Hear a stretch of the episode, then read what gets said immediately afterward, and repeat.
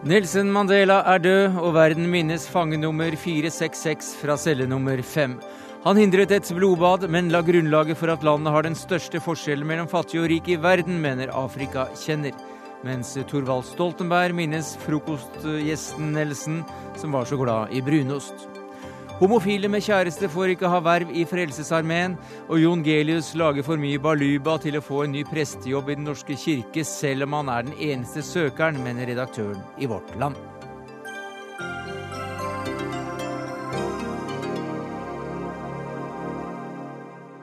Ja, Det er noen av sakene i Dagsnytt 18 denne fredagen, som altså preges av at Nelson Rolilala Mandela døde i går, 95 år gammel. Fellow South Africans, our beloved Nelson Rolihlahla Mandela, the founding president of our democratic nation, has departed. I går kveld kom også dødsbudskapet fra president Zuma om at Sør-Afrika hadde mistet Ja, hva er det de har mistet, Tom Christiansen, tidligere Afrika-korrespondent? Ja, de har mistet sin Moses. Han som går foran og viser veien. Han som har eh, kompasset og veit hvor de skal, til det lovede land. Og det har han eh, vist. Han er også den militante kommandanten, den militære lederen, som ender opp med å få Nobels eh, fredspris. Han var den sinte, aggressive politikeren, ungpolitikeren som kom på Robben Island. Men før han kom dit, så etablerte han altså ANC og gjorde den om til en massebevegelse for folk flest, og ikke bare for en liten elite. Og den, den eh, måten å få folk med seg på er eh, noe av det som siden førte til at han var elsket av alle. Og re regimet, det hvite regimet skjønte vi er nødt til å snakke med han som har folket bak seg. Det nytter ikke å få til en avtale med noen andre enn Mandela. Vi er nødt til å gjøre det. Og så gjorde de det. Hvordan så han på sitt eh, eget liv og sitt eget eh, virke? han, ble, han ble spurt en gang om uh, hva som hadde vært en naturlig gravskrift over ham selv. Og da sa han at han kunne tenke seg en gravstein hvor det sto 'Her hviler en mann som har gjort sin plikt'. Det var liksom nokså tydelig Mandela-utsagn. Altså plikten eh, Gjør plikten din, eh, forsiktig med penger. Eh, passe på at alle har det greit. Altså noen av disse, disse, strålende idealene som jo har preget han. Og så endte han jo opp med å tilgi mennesker, og det er ikke uten videre gitt at han skulle gjøre. Han kunne vært den som hadde krevet å få et oppgjør eh, som alle ville forstå.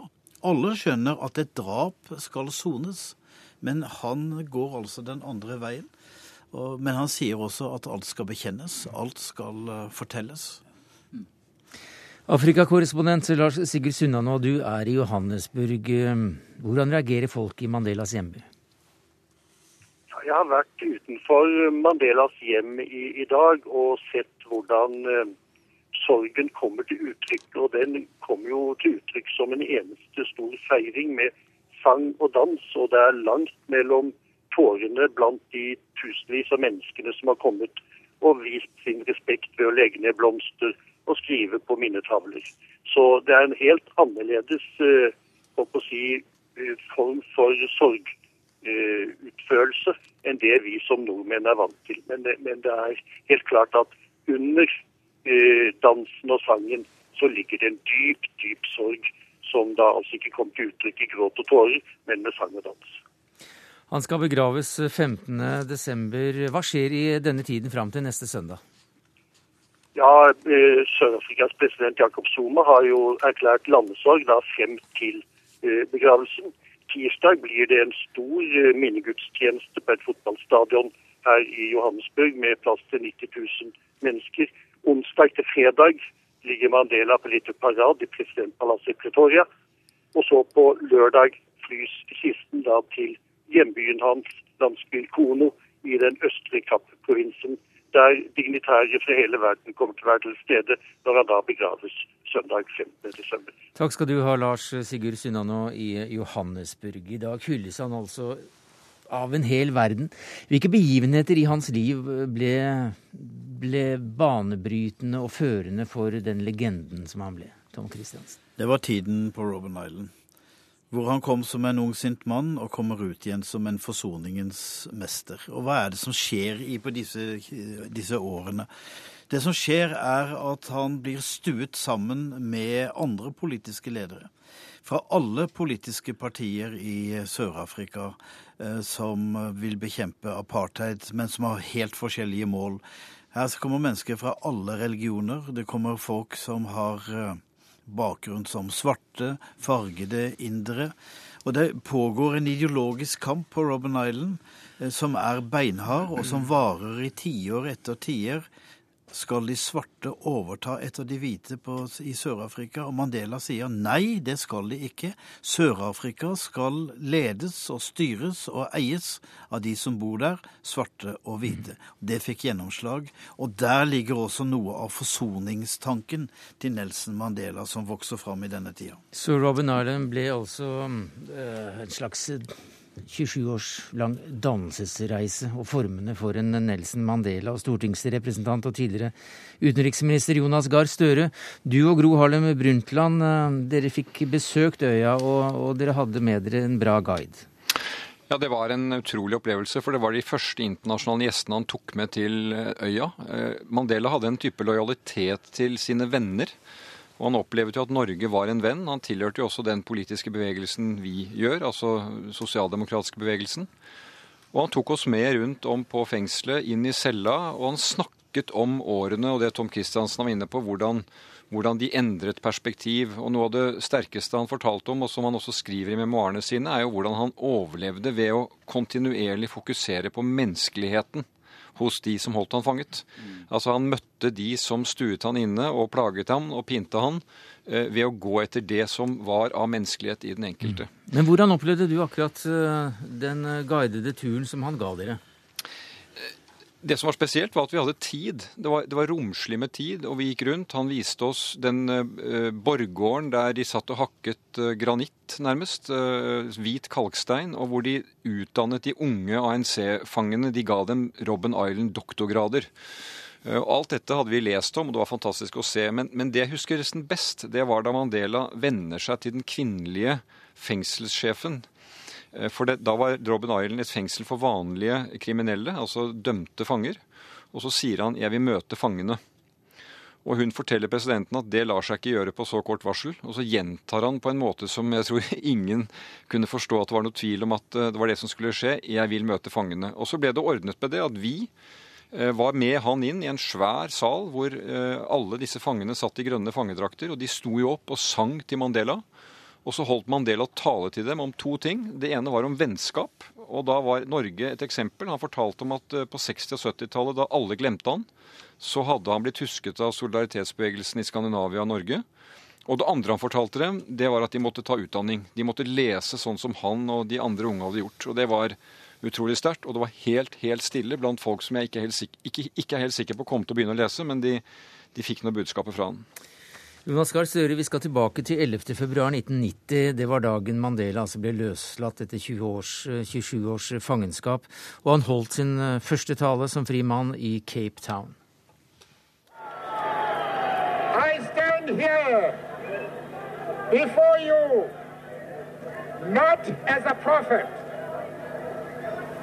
but as a humble servant of you, the people. Bernt Hagtvedt, professor i statsvitenskap med interesse for eh, bl.a. totalitære, undertrykkende regimer. Vi skal snakke om apartheid eh, i eh, en senere sammenheng her. Men først da til Mandela og som sådan. En lokal frigjøringshelt, for så vidt, som ble hele verdens helt. Og det helt til sin død. Og det finnes ikke så mange av. Nei, Jeg tror det er grunn til å minne om hvilken betydning moralsk lederskap har i politikken hvordan en rekke sentrale punkter i historien er blitt preget av individer. Gorbatsjov kom jo veldig klart. Gandhi til en viss grad. og ikke minst Nelson Mandela. Han kunne jo ha vendt en helt annen vei og du ville fått en helt annen blodig utvikling i Sør-Afrika. En kollega av meg i USA, Ian Shapiro, har intervjuet Ferdinand de Klerk i forbindelse med en bok hvor han diskuterer forholdet mellom dyptsittende, langsiktige strukturer og tilfeldigheter og alliansebygging. Han spurte de Klerk hva som ville skjedd om de Klerk var myrdet en uke før han eh, løslot Mandela. Da sa de Klerk borgerkrig. Eh, nasjonalistpartiet vil bli splittet opp, og militante grupper ville ha tatt føring. Det ville vært livsfarlig. Hva ville skjedd om du var blitt myrdet en uke etter at du etterlot Mandela? Da ville andre ha overtatt. Det var touch and go, altså. Tilfeldigheter, for så vidt. Eh, for så vidt, og jeg er sikker på at de som kommer etter oss, vil diskutere hvilke motiver Ferdinand de Klerk hadde. Jeg mener at Sør-Afrika, de hvite mindretallsstyret, kunne ha sittet mange år til, antagelig. De hadde absolutt våpenmakt, det var ingen splittelser i hæren. ANC var militært underlegen. På et eller annet tidspunkt ville de hvite måttet gi etter. Og hva som motiverte etter Klerk akkurat da, er jo et interessant spørsmål. Men at det var også et visst poeng for et visst monn av ja, mot hos de Klerk, må man kunne si. Men uh, tilbake til hovedpersonen ja. i denne sammenheng, også Nelson Mandela. Du, du, du trekker eh, paralleller eller sammenligner ham med andre afrikanske ja. frigjøringshelter. og Hvordan uh, kommer de ut? Ja, Det er ganske trist med Mugabe. Og Man må kunne si at dagens leder i Zuma rekker jo ikke Mandela til ankelhøyde, moralsk eller på andre måter. Et annet poeng som jeg syns det er grunn til å fremheve, nå kan vi regne med å få veldig store konflikter. ANC er jo på mange måter et tungt autoritært parti.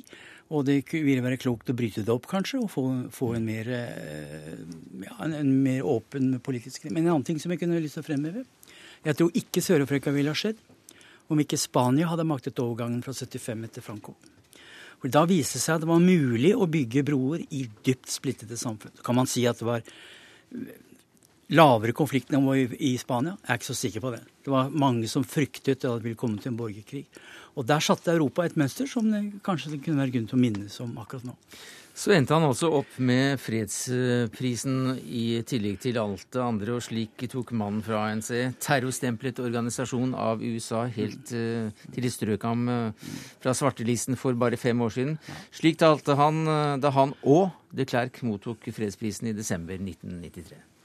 I am also here today as a representative of the millions of people across the globe that joined with us not to fight against South Africa as a country or any of its people, but to oppose an inhuman system and sue for a speedy end to the apartheid crime against humanity.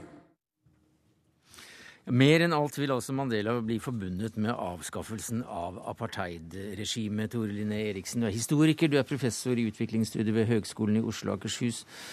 Det er jo mange som eh, ikke forbinder apartheid med, med, noe som helst. Tiden er gått, så det er kanskje på tide å, å si hva de viktigste kjennetegnene ved et slikt regime egentlig var. Mm.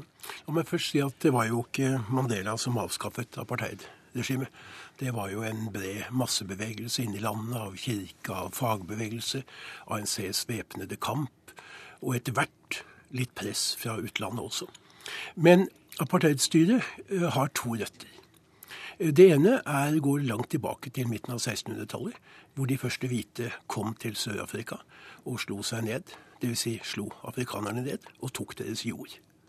Eh, det var folk som hadde sin bakgrunn eh, fra Nederland. Og de la grunnlaget for et system hvor jord ble okkupert. Dvs. Si at afrikanere ble drevet vekk fra jorda. Slik at den skeive fordelingen vi ser av jord i dag, går helt tilbake til liksom 1600-tallet. Og for å legitimere eller rettferdiggjøre det systemet, så bygde de opp en tanke om at dette var et land gitt dem av Gud. Det var en forpliktelse de hadde til å såkalt sivilisere eh, de som bodde der fra før. Men var det et ukjent tankegods? Uh, Nei, altså et vanlig europeisk tankegods er at tar du jord fra folk, så forsøker de å rettferdiggjøre at det er til deres eget beste. Det skjedde i Australia, det skjedde i, i Nord-Amerika, det har skjedd overalt. Latin-Amerika også. Ja, Men den andre uh, rot i dette, det er i begynnelsen, eller litt utover på 1800-tallet, da det ble gjort store mineralforekomster, gull og diamanter. Da kom britisk gruvekapital og den britiske staten inn.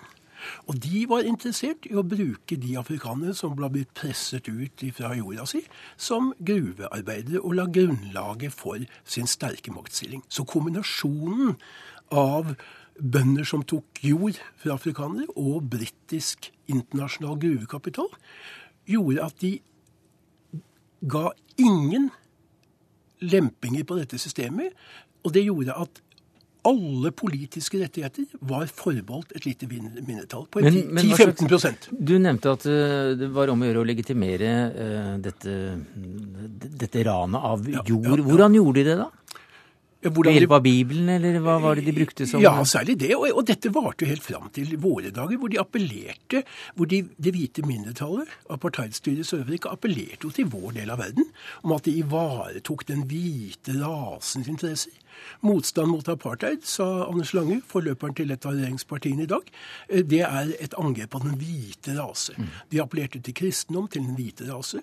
Og så kombinerte de det, særlig britene eh, og deres gruvekapital, med at det var viktig strategisk under den kalde krigen. Det er aldri noe vanskelig å finne på rettferdiggjøringer for å beholde makt og for å frata flertallet politiske rettigheter. Ingen hadde stemmerett. Mandela var førstegangsvelger da han var 76 år. Hvordan ser du dette satt i en sammenheng som du er interessert i, Bernt Hagtvedt, nemlig om eh, autoritære eh, regimer? Ja, religion har alltid vært brukt i sånne sammenhenger. Og man må jo stille spørsmålstegn med den manglende motstandskraft som kristendommen viser her. Den eh, hollandske reformerte kirken var jo helt med på apartheidstyrets linje her. Det kunne minne seg om det også. Men så kom jo masse motstandsfolk fra de andre kristne kirkene. Desmond Tuti, selvfølgelig. Det bildet er jo blandet. Åpenbart.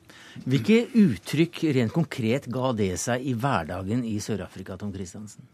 Det ga seg jo uttrykk i en pussighet i, Sør-Afrika hvor eh, de hvite hadde sin egen apartheid-teologi, og hvor de kunne med utgangspunkt i historien om Babels tårn, hvor menneskene ble straffet av Gud, han forvirret deres tungemål, og det ble for dem tegnet på at rasene skulle leve atskilt, bortsett fra at det var jo Guds straffedom. Og så har du de eh, andre kirkene de, som eh, kom fram i Sør-Afrika, og som utgangspunkt i Europa, som kunne fortelle, og som var et av de få steder i Sør-Afrika du kunne høre, at eh, du som svart er like mye verdt som en hvit. Nettredaktør i Bistandsaktuelt, eh, Jan Speed. Du er sørafrikaner. Du bodde i byen Durban langs den sørafrikanske østkysten til du var 18 år. Hvordan var det å vokse opp der som hvit ung mann på 70-tallet? Hvis man ikke var politisk bevisst, så var det veldig enkelt. Du bodde i et atskilt verden. Eh, man eh, levde i en hvit, veldig hvit verden. De eneste svarte man hadde direkte kontakt med, var tjeneskapet i hjemmene eller, eller de som feide gatene. Eh, man tisset på sin egen toalett. Do, offentlige doer, man badet på egne strender. Det var, man ble omringet av det som ble kalt petty apartheid, liksom den smålige apartheiden som var på en måte rammen rundt det mer alvorlige og dyptliggende grunnleggende årsaken til apartheid, som, som Tore, Tore, snakket om. Um, men det er jo klart at og, liksom, det var hele tiden en følelse av utrygghet, også i det hvite samfunnet. Det var derfor de um, hele tiden snakket om den internasjonale kampen mot internasjonal kommunisme. Um, på skolen hadde vi mye militær drill, drilling, liksom, at vi liksom hadde liksom militær trening på, hver fredag ettermiddag. Det var en veldig sånn stor fokus på det som ble kalt svart svartrafar, den, liksom den svarte faren, den faren fra internasjonal kommunisme. Så det var en, en underliggende frykt for de svarte som regimet også bygde opp. Ja, hva slags utslag eh, ga det seg blant skolekameratene dine? Du, du, var, du var jo selv født da inn i en, inn i en, inn i en mer eh, politisk radikal bevisst familie. Men eh, dine skolekamerater, hvordan så de dere på hørte, Dere hørte jo nesten ikke om Mandela. Nei, vi visste ikke noe om Men Mandela når jeg, når jeg vokste opp. Det var først i 75, når jeg dro til Botswana, at jeg fikk sett bilde av Mandela for første gang, hvor jeg fikk lest hans forsvarstale. slik at um, mine skolekamerater, f.eks. når Soweto-opprøret fant sted i, i 1976, eh, og politiet slo hardt til med både skyting og med pisking av, av, av, svarte skoleelever, så var de, mente de at dette var helt forsvarlig og helt greit, for dette var utakknemlige svarte. Utakknemlige svarte. Som brente sine egne skoler og brente, og brente ølhallene. Slik at det var et, sånn, et helt system rundt det. Men eh, utslagene var altså at uh, svart og hvit var såpass separert at man kunne ikke sitte på samme, samme benk. Ikke i, i, samme togvogn, i hvert fall ikke i samme kupé. Var det ikke mange som stilte seg spørsmålet hvorfor i all verden er det slik? Jeg tror ikke det var så veldig mange hvite som stilte det spørsmålet, fordi systemet forsvarte deres privilegier. Det var visse jobber som var forbeholdt hvite, og det var eh, også liksom den utryggheten. Men jeg tror man skal også huske hele tiden at for de svarte var det ikke bare liksom, Petty apartheid var, liksom, var ubehagelige ting, men det at du hadde, måtte ha et pass mm. som var stemplet riktig for i det hele tatt å bevege deg i 87% av ditt eget land, det, det, var nok mye viktigere. Og de daglige fordelelsene, den, liksom, den daglige forfølgelsen fra, fra, politiets side var nok mye viktigere egentlig for den vanlige svarte mannen og kvinnen på gata enn disse, liksom, det at man ikke kunne tisse, på samme do. Men regimet ga seg altså, eller ble fjernet. Eh, og Norge har spilt en, en bitte liten rolle i avskaffelsen av dette regimet. Fra 1977 til frigjøringen 17 år senere så, så ga Norge 1,5 milliarder kroner til motstandskampen. Norge sponset altså faktisk avskaffelsen av et regime på den andre siden av jorda med halvannen milliard. Og dette har du skrevet om, Tom Christiansen. Hvordan skjedde dette? Det skjedde på forskjellige vis. Dels ved at uh, Norge jo støttet økonomisk uh, flyktningleirer i utlandet for ANC-ere som var i eksil, men også innad i landet, hvor altså penger ble smuglet inn, fraktet inn på forskjellig vis for å hjelpe kampen innad i, i landet. Støtte det sivile samfunn, hjelpe folk med advokater når de var blitt arrestert, hjelpe familiene når mm. familiesørgeren ble arrestert, eh, skaffe musikkinstrumenter på Robben Island, skaffe skaffe borehuller og vann ute i eh, townshiper og, og ute i landbruksområdene. Men hvordan skjedde det fra norsk side? Altså det, du forteller nå om hvordan pengene ble brukt, men, men, dette her var vel ikke en helt vanlig utenriks... Nei, det var meget, meget farlig. fordi at hvis Norge finansierte motstandsbevegelsen inne i Sør-Afrika, ville den bli beskyldt for å stå i ledtog med fremmede makter som var ansett som relativt ondsinnede. Altså altså en slags nasjonal forræder. Så disse pengene måtte forvandles til noe annet. Og det gjorde man ved å la det gå via Mellomkirkelig råd, og dermed ble statspengene plutselig kirkepenger, og så var de upolitiske, og så ble de sendt via kirkenettverk i Sør-Afrika, til generalkonsulatet i Cape Town også litt under bordet, og så ble de smuglet inn av forskjellige prester som uh, tok på seg den uh, den, tok den sjansen. Som deg, Trond Bakkeviken og prost. For noen av de pengene som kom til Sør-Afrika, de ble også smuglet fysisk inn i landet før dere fant andre kanaler. Hvor var det du gjemte sedlene? For det var vel dollar du hadde med deg? Ja, det var dollar og pund. Mm -hmm. det var, nei, altså det, jeg, jeg, kjøpte sånne sånn som man bruker når man reiser på interrail og har det på maven. Eller så laget, Jeg laget i grunnen store mavebelter. Ja. Kunne ikke, altså jeg kunne ikke ta det inn i store sedler, det måtte være småsedler. Sånn det ble jo, Når jeg skulle ha med 100 000 eller 15 000 dollar, så ble det jo en del sedler. Men hadde du på deg prestekjolen din, da, sånn at ikke det ikke syntes så godt? Nei, den er ikke så god å reise med når du skal sitte tolv timer på flyet. Så det var nok vanlige klær. Jeg så litt tykkere ut enn jeg vanligvis var. Men uh, du kunne jo bli tatt i tollen, da? Jeg kunne det.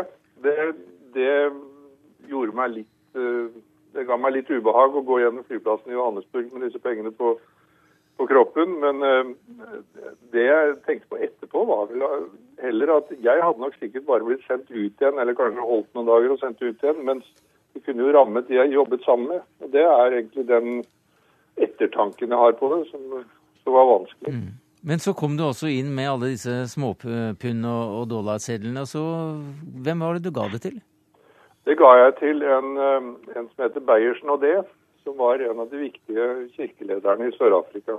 Som var en av dem som kom fra, fra, fra den hvite apartheidstøttende kirken og brøt med den, og siden altså ble generalsekretær i uh, Kirkerådet. Han fikk den, og så vet jeg at han distribuerte dem videre. Av og til så ga han meg en sånne små kvitteringer på hva han hadde gitt dem til, men jeg sa jeg kan ikke ha disse kvitteringene, fordi de, jeg vil egentlig ikke vite hva du har brukt dem til. Jeg må bare stole på deg. Fordi Hvis vi begynner å lage kvitteringer på denne type penger, så kan det gå enda verre. Halvannen milliard kroner uten kvitteringer? Nei, nei, nei, nei, nei, nei. Du tok ikke med deg det, men det var vel ikke så mye kvitteringer å få for den norske staten på resten av jo, pengene heller? Jo, jo, jo. jo, jo, jo, jo. Altså, fordi jeg, det, det, jeg tok inn på det, denne måten, var egentlig bare småpenger i forhold til det vi sendte inn ellers. Det var var, vi sendte inn opptil 25 millioner kroner i året, og da gikk det gjennom vanlige banktransaksjoner. Og Det gikk til Kirkerådet, det gikk til forskjellige organisasjoner rundt omkring som myndighetene likte mer eller mindre. De likte dem stort sett mindre. Men, men, eh, de kunne ikke godt nekte kirkene, siden det var et kristent land, angivelig, etter deres oppfatning. Så kunne de ikke godt nekte Kirken å drive med dette. Mm. Jo, men det er, transaks det er, transaksjoner her, Bakkevik, som nok Økokrim ville sett på med usedvanlig stor interesse. Og det er vel også riktig at utenriksminister Sven Stray på et tidspunkt spurte sin, eh, sin byråsjef Knut Vollebekk dere gjør vel ikke noe ulovlig? Ja da, han spurte om det. det men det, altså meste av, mesteparten av det vi gjorde, var formelt sett lovlig. Og så var det noe hvitvasking av penger som jeg også drev med. Takk skal du ha, Trond Bakkevik, med oss eh, fra Berlin. Line Eriksen. Ja, vi har jo snakket litt om hva som bidro til å avskaffe apartheid. Eh, det systemet vi beskrev i stad.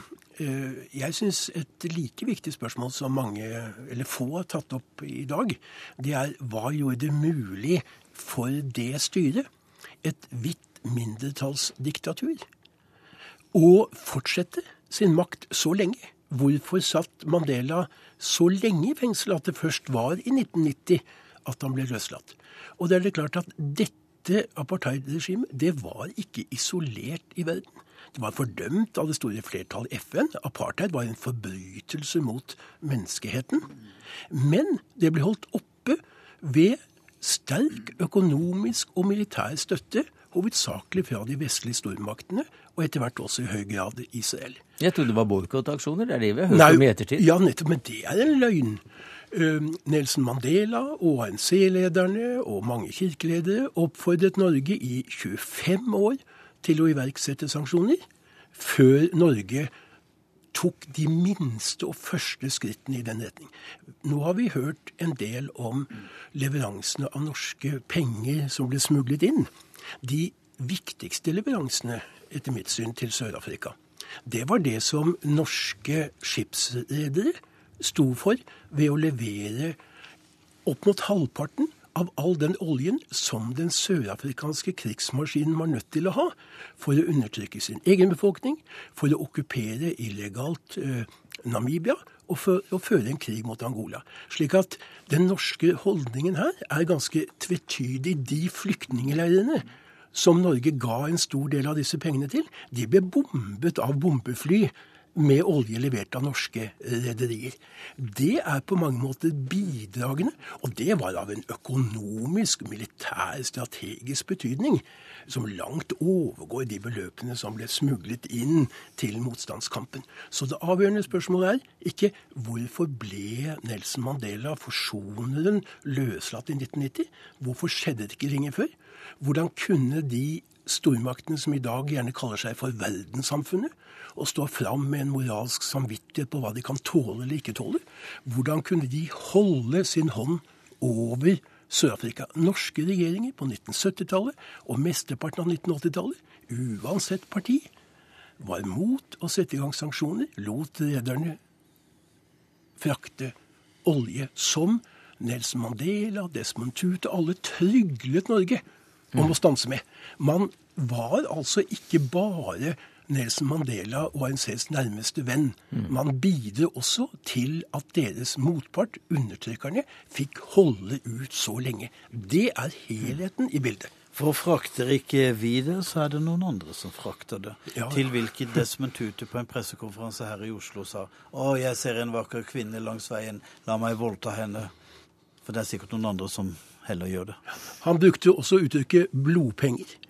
Og på det året, for å gi et lite bilde, i det året hvor eh, den humanitære bistanden var på sitt aller meste, i 1984-1985, så var det ca. 100 millioner norske kroner.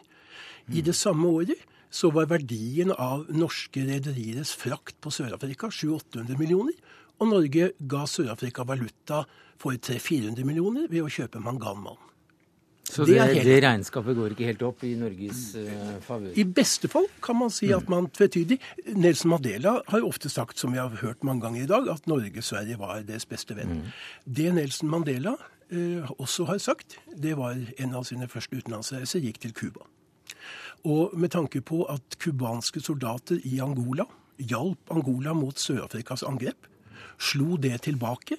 Det var et av de alvorligste slagene mot apartheidstyret. Og han sa på den eh, store talen sin hadde det ikke vært for de cubanske soldatene som hjalp til i Angola, ville jeg fortsatt sittet i fengsel. Det var også en venn. Men eh, du har da skrevet eh, flere bøker om Afrika, også om Nelson Mandela. Og hvis du da eh, drar fram eh, hovedpersonen i dette programmet, da, Nelson Mandela igjen, eh, ville dette vært mulig uten en slik eh, karakter? Altså du, Nå snakker du om de store historiske, tunge, tunge og, og lange linjer her. Men vi har da en person oppi dette. Hvor viktig var han for det som skjedde? Han var veldig viktig innad i ANC på avgjørende tidspunkt i deres historie. Han var viktig da han sto i spissen for en radikalisering av ANC, fra å være eldre, dannede menn som skrev brev, til å bli en massebevegelse som gikk ut i gatene, sivil ulydighet, demonstrasjoner, streiker.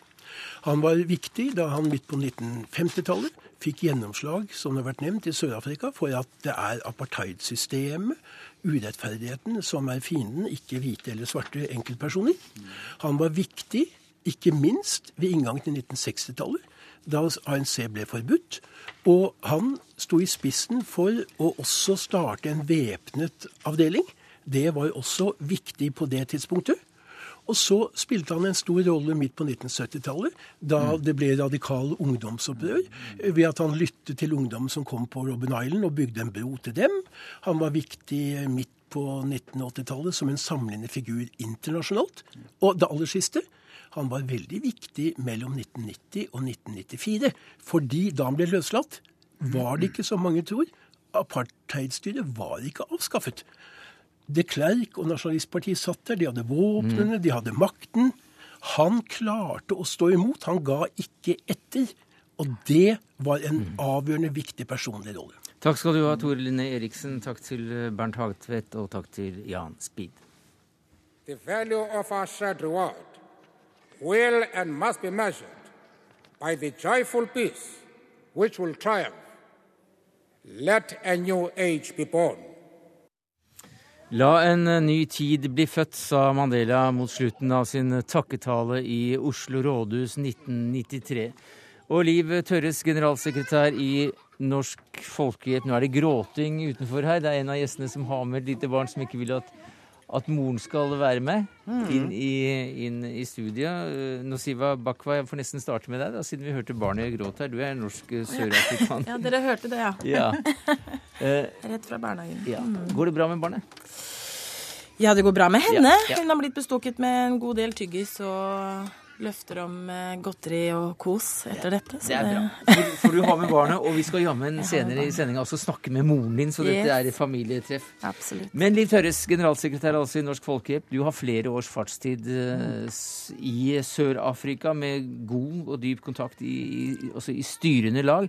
Og det ble sagt her av Tom Christiansen idet vi hørte Mandela tale i Cape Town, at eh, Hvor var du da? Jeg var der. Og husker hvert minutt av den dagen. Jeg husker folkemengden i sentrum. Jeg husker de militære kjøretøyene i sidegatene. Disse Kasperene, altså som sørafrikanerne brukte, pansrede kjøretøy som de ellers brukte i townshipene eh, for å beskytte seg selv. Eh, men som da gjorde det mulig for de å skyte sivilbefolkningen utenfor. Disse var jo da også linet opp i sidegatene. Jeg husker talen. Jeg husker eh, at jeg sto én meter unna når han kom kjørende inn mot, mot eh, rådhuset, hvor han skulle holde talen. Mm.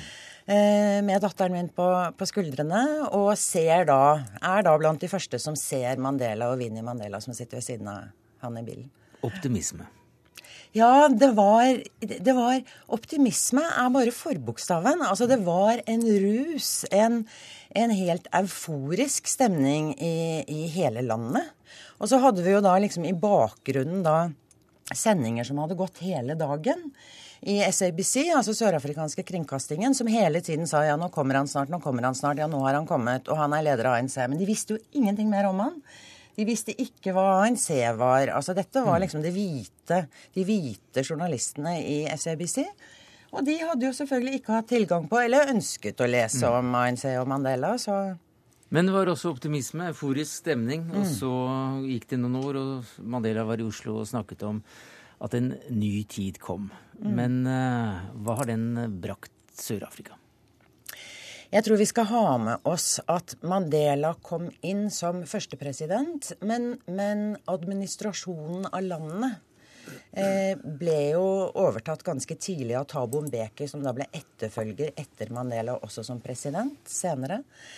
Eh, Tiden, de nesten 20 årene eh, etter 94, valget i 94, har eh, nå i dag produsert et land som har nesten 50 eh, av befolkningen som lever under fattigdomsgrensen, 40% arbeidsledighet, omfattende sosial uro, korrupsjon.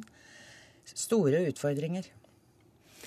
Så den mannen vi, hyller som et ikon for, for fred og håp om ikke skyld, så, så hvilket ansvar bør også legges på en slik figur? Det er klart Han hadde sin del av ansvaret for den økonomiske politikken blant annet, som, som ble implementert, og som ikke leverte i den omfordelingen av ressurser, fattigdomsbekjempelsen, som folk forventet og hadde krav på. For det var ikke store landreformer slik at, eh, alle, at jorda ble stykket opp på nytt? Nei, det var ikke store landreformer. Økonomien ble liberalisert og åpnet. Eh, stor import av billigere produkter fra Asia som utkonkurrerte egen arbeidskraft Eh, eget næringsliv osv. Men jeg har lyst til å legge til en ting til, fordi det er viktig. Mandela var samtidig blant de aller første, mange ganger også den første, til å kritisere ANC for undergraving av demokrati internt i partiet, for korrupsjon, for manglende fattigdomsbekjempelse. Så han, han, var Ja, han hadde sin del av ansvaret som en del av ledelsen opprinnelig, altså på, på begynnelsen av 90-tallet. Men han var jaggu meg også den kraften som talte ANC og etterkommerne hans mm. eh, midt imot, når det var nødvendig. Kristiansen. Eh, Mandela var president i fem år, og der begikk han vel kanskje sin største tabbe ved å gå av etter fem år. For han hadde ikke på plass sine etterkommere. Han uh, hadde ikke orden på de som skulle overta partiet. Det var derfor man fikk en Tabo Mbeki istedenfor Cyril Ramaphosa, som var jo selveste forhandleren for Grunnloven. Mm. Og Jakob Zuma ville aldri komme til makten hvis Mandela hadde hatt orden på rekkefølgen videre. En annen side er at Mandela brukte denne første perioden på forsoning, symbolhandlinger, en rekke ting som ikke gir mat på bordet, men som mm. på mange måter skaper et felles vi som Sør-Afrika aldri hadde hatt. Hva sier du til dette, Nashwa Bakwa? Jo, jeg føler at det er veldig lett på en måte å kritisere de aspektene av Sør-Afrikas 20 års unge demokrati som er målbare. Mm. Men det Mandela representerer som en frigjøringshelt. Som eh, eh, en mann som faktisk klarte å samle et så eh, separert og segregert land. Det er ikke like målbart, men eh, det sier noe om den type identitet som jeg får lov til å eie ved siden av mine hvite sørafrikanske venner. Det at vi alle, som et land, som en nasjon og som et kontinent, en verden, er i sorg i dag, det er en type Altså det er en realitet som kanskje ikke er like, like målbar, som er definitivt mye mer viktig mm. i forhold til hans eh, ære og hans minne. Ja, For nå mm. hører vi om, eh, om eh, baksiden av denne medaljen, for så vidt, mm. med, med Tørres her. Forsiden, hva vil du trekke fram der? Jeg mener at uh, uh, det er vanskelig å være analytisk om noe som jeg kjenner så intuitivt. Eh, og det eh, jeg kan først trekke fram, er at det, de psykologiske og eh, politiske lenkene som eh, Mandela eh, brøyt seg fri fra, eh, og gjorde det også på vegne av et sørafrikansk folk, den type identitetsbyggingen som skjer i dag, og som har skjedd i 20 år i hans ånd. Eh, det gjør at Sør-Afrika er et land fylt av hverdagshelter. Av mennesker Altså, misforstå meg rett. Zuma er ingen eh, politisk leder jeg har noe særlig pent å si om. Men jeg vet også at han representerer ikke det sørafrikanske folk. Han representerer ikke Mandelas ånd.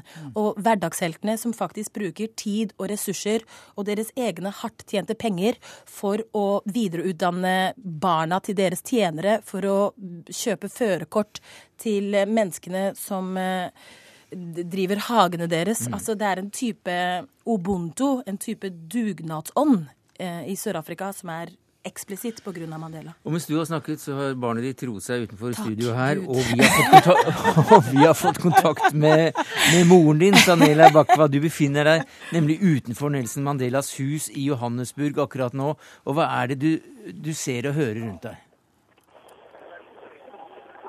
Er det meg du snakker til? Ja, det er deg jeg snakker til. Hei, mamma. Hei, Nonna. Ja, eh, jeg er akkurat ved siden av sånn blomsterhav.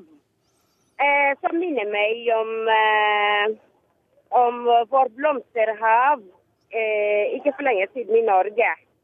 Det er eh, en stemning her som jeg ikke kan eh, få dere til å, å, å, se ved mine ord når jeg beskriver det.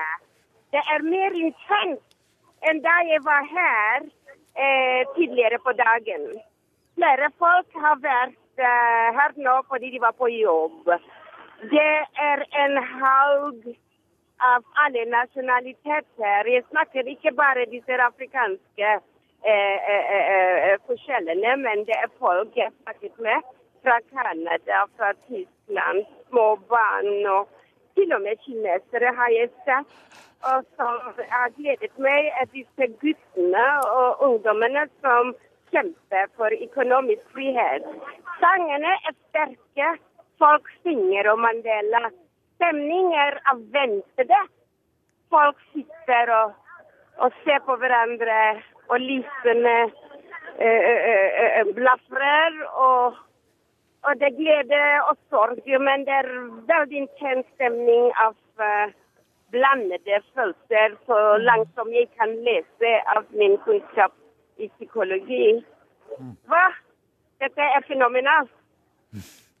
Dette er fenomenalt, uh, sier altså da Sanela Bukwa fra uh, hjemmet, utenfor hjemmet til Nelson Mandela. Så da avsluttet vi altså i uh, Sør-Afrika, der vi også begynte med vår korrespondent i Sør-Afrika. Takk skal du ha, Liv Tørres, uh, Liv Tørres, generalsekretær i Norsk Folkehjelp.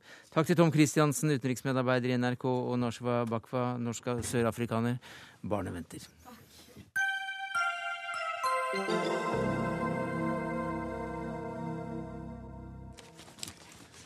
Vi må snakke om uh, været, som vi ikke kan gjøre noe med. Men uh, vær og vind eh, preger også Norge i dag. Uværet har herjet over hele landet, i hvert fall store deler av det. Og hvordan er ståa nå, Terje Alsvik Valle, du er meteorolog i NRK? Når det gjelder de områdene som har hatt det verste siste, Sørlandet og Vestlandet, så er det i ferd med å roe seg ned. Altså, nå er det snakk om kuling langs kysten. I går var det snakk om storm og vel så det, så nå er det virkelig mye roligere. Og i morgen så er vi nede i bris, så det er, måtte, det er det på rett vei. Så i morgen er det helt over, men i dag så er det fortsatt kuling, men den er på vei til å roe seg enda mer. Vi har hørt uh, ekstremværvarsler, i hvert fall uh, orkan i byger uh, rundt omkring i landet i dag. Hvor har det vært verst? I dag så er det fortsatt Vestlandet sør for Stad som har hatt det vanskelig, men også Møre og Romsdal, deler av Trøndelag har hatt det vanskelig pga. tette snøbyger og mye vind. sånn at den kombinasjonen av vind og snø har nok skapt en del problemer på særlig Nord-Vestlandet i dag. Så har vi hørt at de står litt i kø, disse, disse harde vindbygene inn mot kysten? Det gjør det, så det er et lavtrykk som vil prege Nord-Vestlandet i morgen også, opp mot Trøndelag. Det er fortsatt kuling og snøbyger i Møre og Romsdal og Trøndelag i morgen også. Men Vestlandet sør for Stad får i morgen bare bris, som sagt. Men nord for Stad så er det fortsatt kuling i morgen også. Og i morgen så blir det også enda mer avtagende, og dagen etter så er vi nede ja, På søndag så kommer et nytt lavtrykk inn, men det er ikke så sterkt. Men da kommer det bare vanlig snø og regn, men uh, ikke så mye vind. Så lavtrykkene kommer fortsatt, men mer sånn moderate lavtrykk, kan man kalle det. Takk skal du ha, statsmeteorolog Terje Alsvik Valle.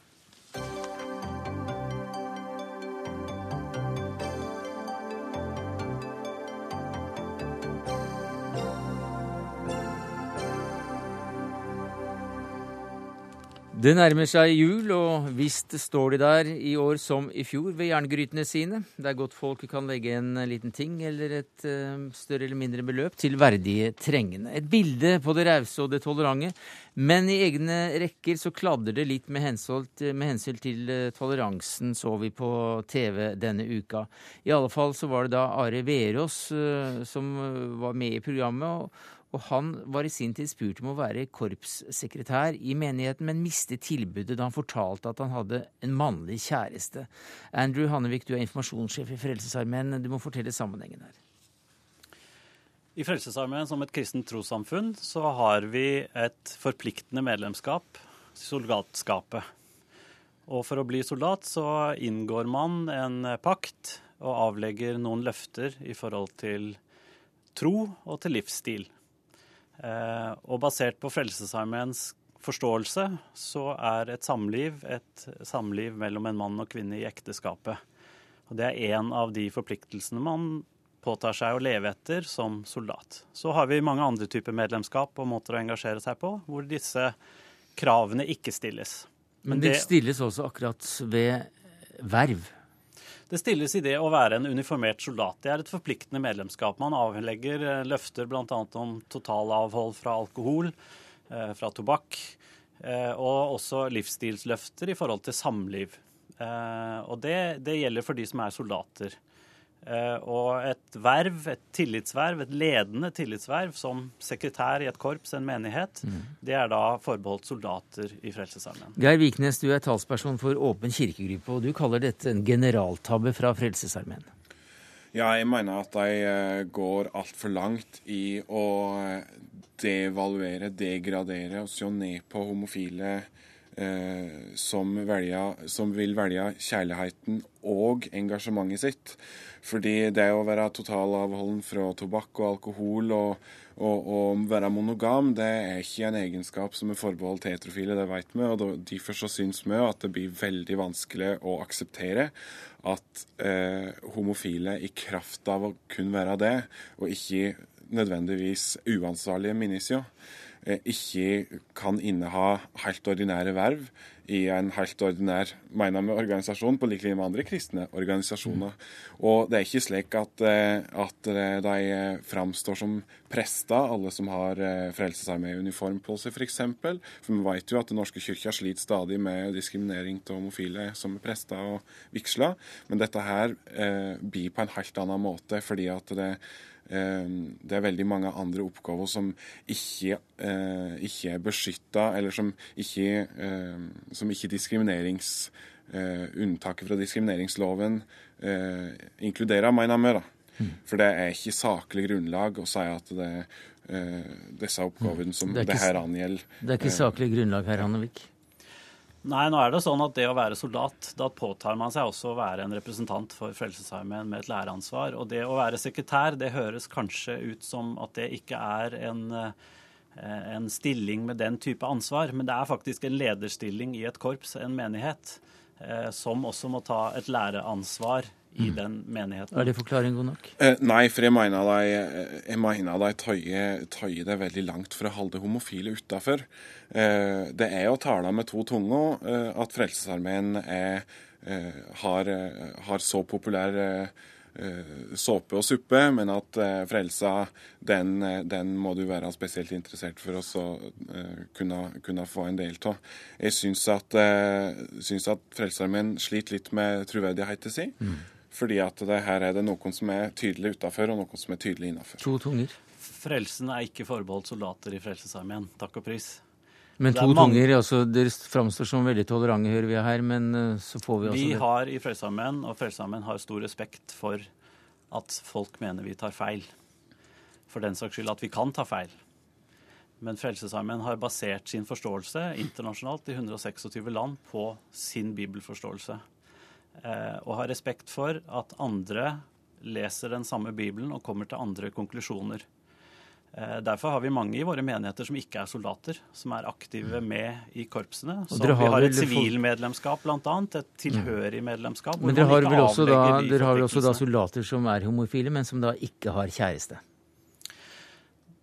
Det har vi også, helt sikkert.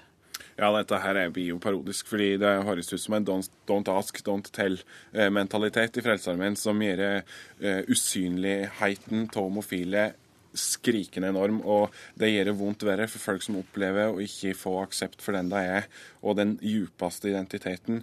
Og eh, det, det, å, det å holde folk utafor på denne måten og si at det ved denne stillingen hører det et læreansvar ved, og da vil jeg foreslå for Frelsesarmeen å omdefinere en del stillinger for å inkludere flere i dem, for dette her det blir for dumt. Hvis dette hadde vært en, en, et, eh, et ansettelsesforhold som en sekretær ved et korps, så hadde det ikke vært problematisk. Nei. Eh, Frelsesarmeen er åpen og inkluderende, slik jeg oppfatter det. Eh, og vi har rom for alle. Og vi må ta det som en utfordring at folk skal føle seg velkommen og inkludert. Og så er det sånn i Frelsesarmeen at eh, noen dessverre har valgt å gå ut pga. dette, mens andre har valgt å bli på tross av dette. Og det er ulike meninger om det i Frelsesarmeen. Men dette vedtaket, det står ved lag. Det er der vi er nå. Ja, det er jo ingen Og ser vi, ser vi tilbake, så er det klart at Frelsesarmeen har endret seg på områder, og dette er ting som er til diskusjon. Mm. Og når Internasjonal Frelsesarmé legger ut uh, uttalelser i etiske spørsmål, så sier de 'her står vi nå'. Da får vi se hvor det står neste gang. Takk skal du ha, Andrew Hannevik, informasjonssjef i Frelsesarmeen. Takk til deg, Geir Viknes, talsperson for Åpen kirkegruppe.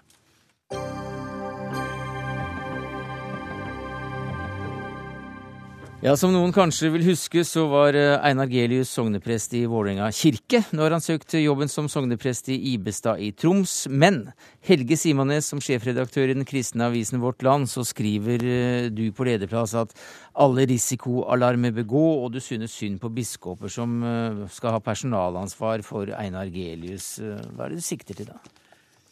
Ja, Jeg sikter jo til det at uh, Einar Gelius har hatt en historie som, uh, som prest som alt annet enn rolig. Og jeg må sette en liten scene her. Det var tirsdags morgen så kom denne nyhetsmeldinga om at Einar Gaulius hadde søkt som sokneprest i Ibestad. Og jeg la merke til i samme melding at det var en enorm folkelig jubel over at, at det bygda endelig skulle få en prest. Og attpåtil en kjendisprest som hadde vært i konflikt med det som mange mener er mørke menn, mannen over alle mørke menn, nemlig Ole Kristian Kvarme, biskop i Oslo.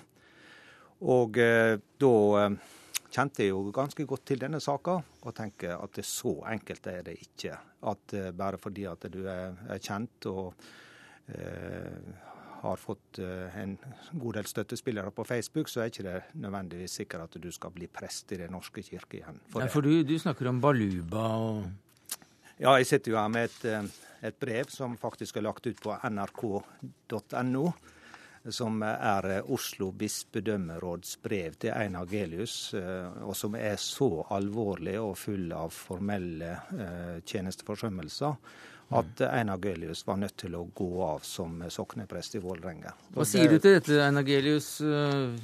Simones mener altså at du ikke er skikket til å ta over et embete i, i Troms. Ja, man skulle jo tro at jeg hadde Du, man skulle jo tro jeg hadde Man skulle tro at jeg hadde begått en kriminell, kriminell handling. Eh, men jeg har altså bare søkt en, en stilling. Eh, og jeg er ordinert prest i Den norske kirke. Og eh, det har jeg vært i 27 år. Og jeg tenker at så lenge jeg har denne ordinasjonen, så er jeg også kvalifisert til å søke stillinga. Ja, Er det ikke slik da, Simons? Jo, for all del. Jeg har ikke sagt noe om at uh, det er noe galt i at uh, Einar Gelius har søkt stillinga. Nei, men Du mener at det, det vil være andre det, kvalifikasjoner til? Det, det som, De som skal ansette en prest, de må foreta noen andre vurderinger. Det første de må gjøre, det er å finne den beste kandidaten. Ja, han, han, er nå den eneste. Ja, ja, men det andre er at du skal foreta en risikovurdering av den som ansettes. Det er sentralt i alle ansettelser. Jeg har sittet og ansatt folk i, i hopetall, og er det noe jeg tenker på, så er det hvilken mm. risiko løper jeg når jeg ansetter denne personen. Og det bør gjelde for alle ansettende organ, enten det er et kirkelig organ eller en bedrift. Det er det det handler om. Gilius? Jo, men det er klart at Jeg har nå vært prest i, i 25 og 27 år. Og selvfølgelig har jeg gjort noen ting gjennom den perioden som ikke har vært helt bra. Men jeg er fortsatt ordinert. Det er ingen som har tatt fra meg ordinasjonen. Og jeg mener jo at i løpet av de 25 årene så har det kanskje vært fem saker som har vært litt baluba i media. Men Helge Simones har jo aldri vært innom Vålerenga kirke f.eks. og sett mine gudstjenester og hørt mine gudstjenester. Mine beste referanser er jo de menighetene jeg har vært prest i. Og de er, de er, det er de som kan fortelle noe om hvordan jeg har vært som prest. Jeg har lært én ting, og det er man kan, få et godt, man kan få et inntrykk av en person gjennom media. Men noe helt annet er det å møte et menneske ansikt til ansikt. Jeg har aldri møtt Helge Simonsen i mine kirker, i mine gudstjenester. Han uttaler seg eh, på et grunnlag som er sviktende. Mm. Og jeg tenker at det er der jeg skal dømmes, ut ifra hva jeg har gjort som prest. Og så har jeg gjort en del dumme ting. Men da trodde jeg jo virkelig at det var tilgivelse og nåde i Kirken. Mm. Men det der, Enagelius, jeg mener at du eh, blander korta. For å bruke tilgivelse og nestekjærlighet inn i en ansettelsesprosess, jeg eh, mener jeg er ganske feil. Det er som jeg gjentar, det, det, det, jeg har sagt Det må jo kunne gå an for lov til, når man har gjort noen feil, vil det si at da er jeg dømt til å ikke kunne være prest resten av livet mitt? Nei, er det jeg, det du sitter og sier? Nei, jeg sier at det den som skal ansette, bør foreta en risikovurdering. Og det må du finne deg i, at, eh, at, det, at det blir tatt en vurdering. Og jeg har også skrevet i min leder at det finnes mange gode sider ved Selv om jeg ikke kjenner Einar Agelius personlig, så finnes det mange gode sider ved deg som prest. Jeg tror du er en god kommunikator, jeg tror du er en god taler, jeg tror du er en person som som gjør de mm. kirkelige handlingene på en god måte. Men for mye baluba. Men det er jo, men noen sider ved det også jo, som gjør at det er veldig synd at du, Simon Næss og Vårt Land skal drive med disse skittpakkene mot meg. Jeg skjønner ikke poenget med det. Jeg har stått for ting, jeg har gjort ting som jeg har beklaget. Men skal jeg da bli holdt utenfor en kirkelig stilling resten av livet mitt? Nå har jeg altså vært frilansprest de siste tre årene. Jeg har hatt masse bryllup, begravelser. Er det greit at jeg holder på med det? Ja, helt åpenbart. Jeg syns at du skal både preike i kirka, jeg syns du både skal holde begravelser for rett til nattverd. Men jeg er slett ikke sikker på om at det er lurt av Kirken å forplikte seg på den måten som et ansettelsesforhold innebærer. Det er det jeg setter mm. spørsmålstegn ved. Men, men vil ikke du da lytte til det som er Kirkens selv og råd i denne sammenhengen? Hvis da menigheten oppe i nord ønsker meg vil det da være riktig å ansette meg, syns du? Ikke nødvendigvis, fordi at eh, du ansettes i Den norske kirke, som er en nasjonal kirke. Hadde det vært en, eh, en menighet eh, som var isolert helt lokalt, så hadde det vært greit. Om ja, men du har jo kjempet for at Kirken nå selv skal få råde i eget hus. Ja, nå, nå, er det kirkelig demokrati som er viktig. Nå er det Kirken selv som skal få uttale seg. Ja, hvis det, det nå er, ja, men hvis det nå lokalt sett er ønsket om meg som prest, så, så, vil du allikevel gå imot det? Ja, men det, det, er, ikke, det er, ikke, menighetsrådet i Ibestad som er det ansettende organ. Det er bispedømmerådet i Nord-Hålogaland som skal Helt ansette, som skal ansette men vil prest. Loka, vil ikke da det lokale votum jeg, ha ganske mye å si? Jeg har sagt at det lokale mm. votum uh, spiller selvfølgelig inn, men en skal også foreta den risikovurderinga som vi syns er nødvendig ved alle ansettelser. Dermed så er vi nødt til å sette strek her. Vi begynte og sluttet denne sendinga med med tilgivelse. Snakk. Eh, det var det vi rakk i Dagsnytt 18. Takket være Siri Storstein Hytten, Karl Johan Rimstad og Sverre Tom Radøy. Takk til Helge Simanes og Einar Gelius.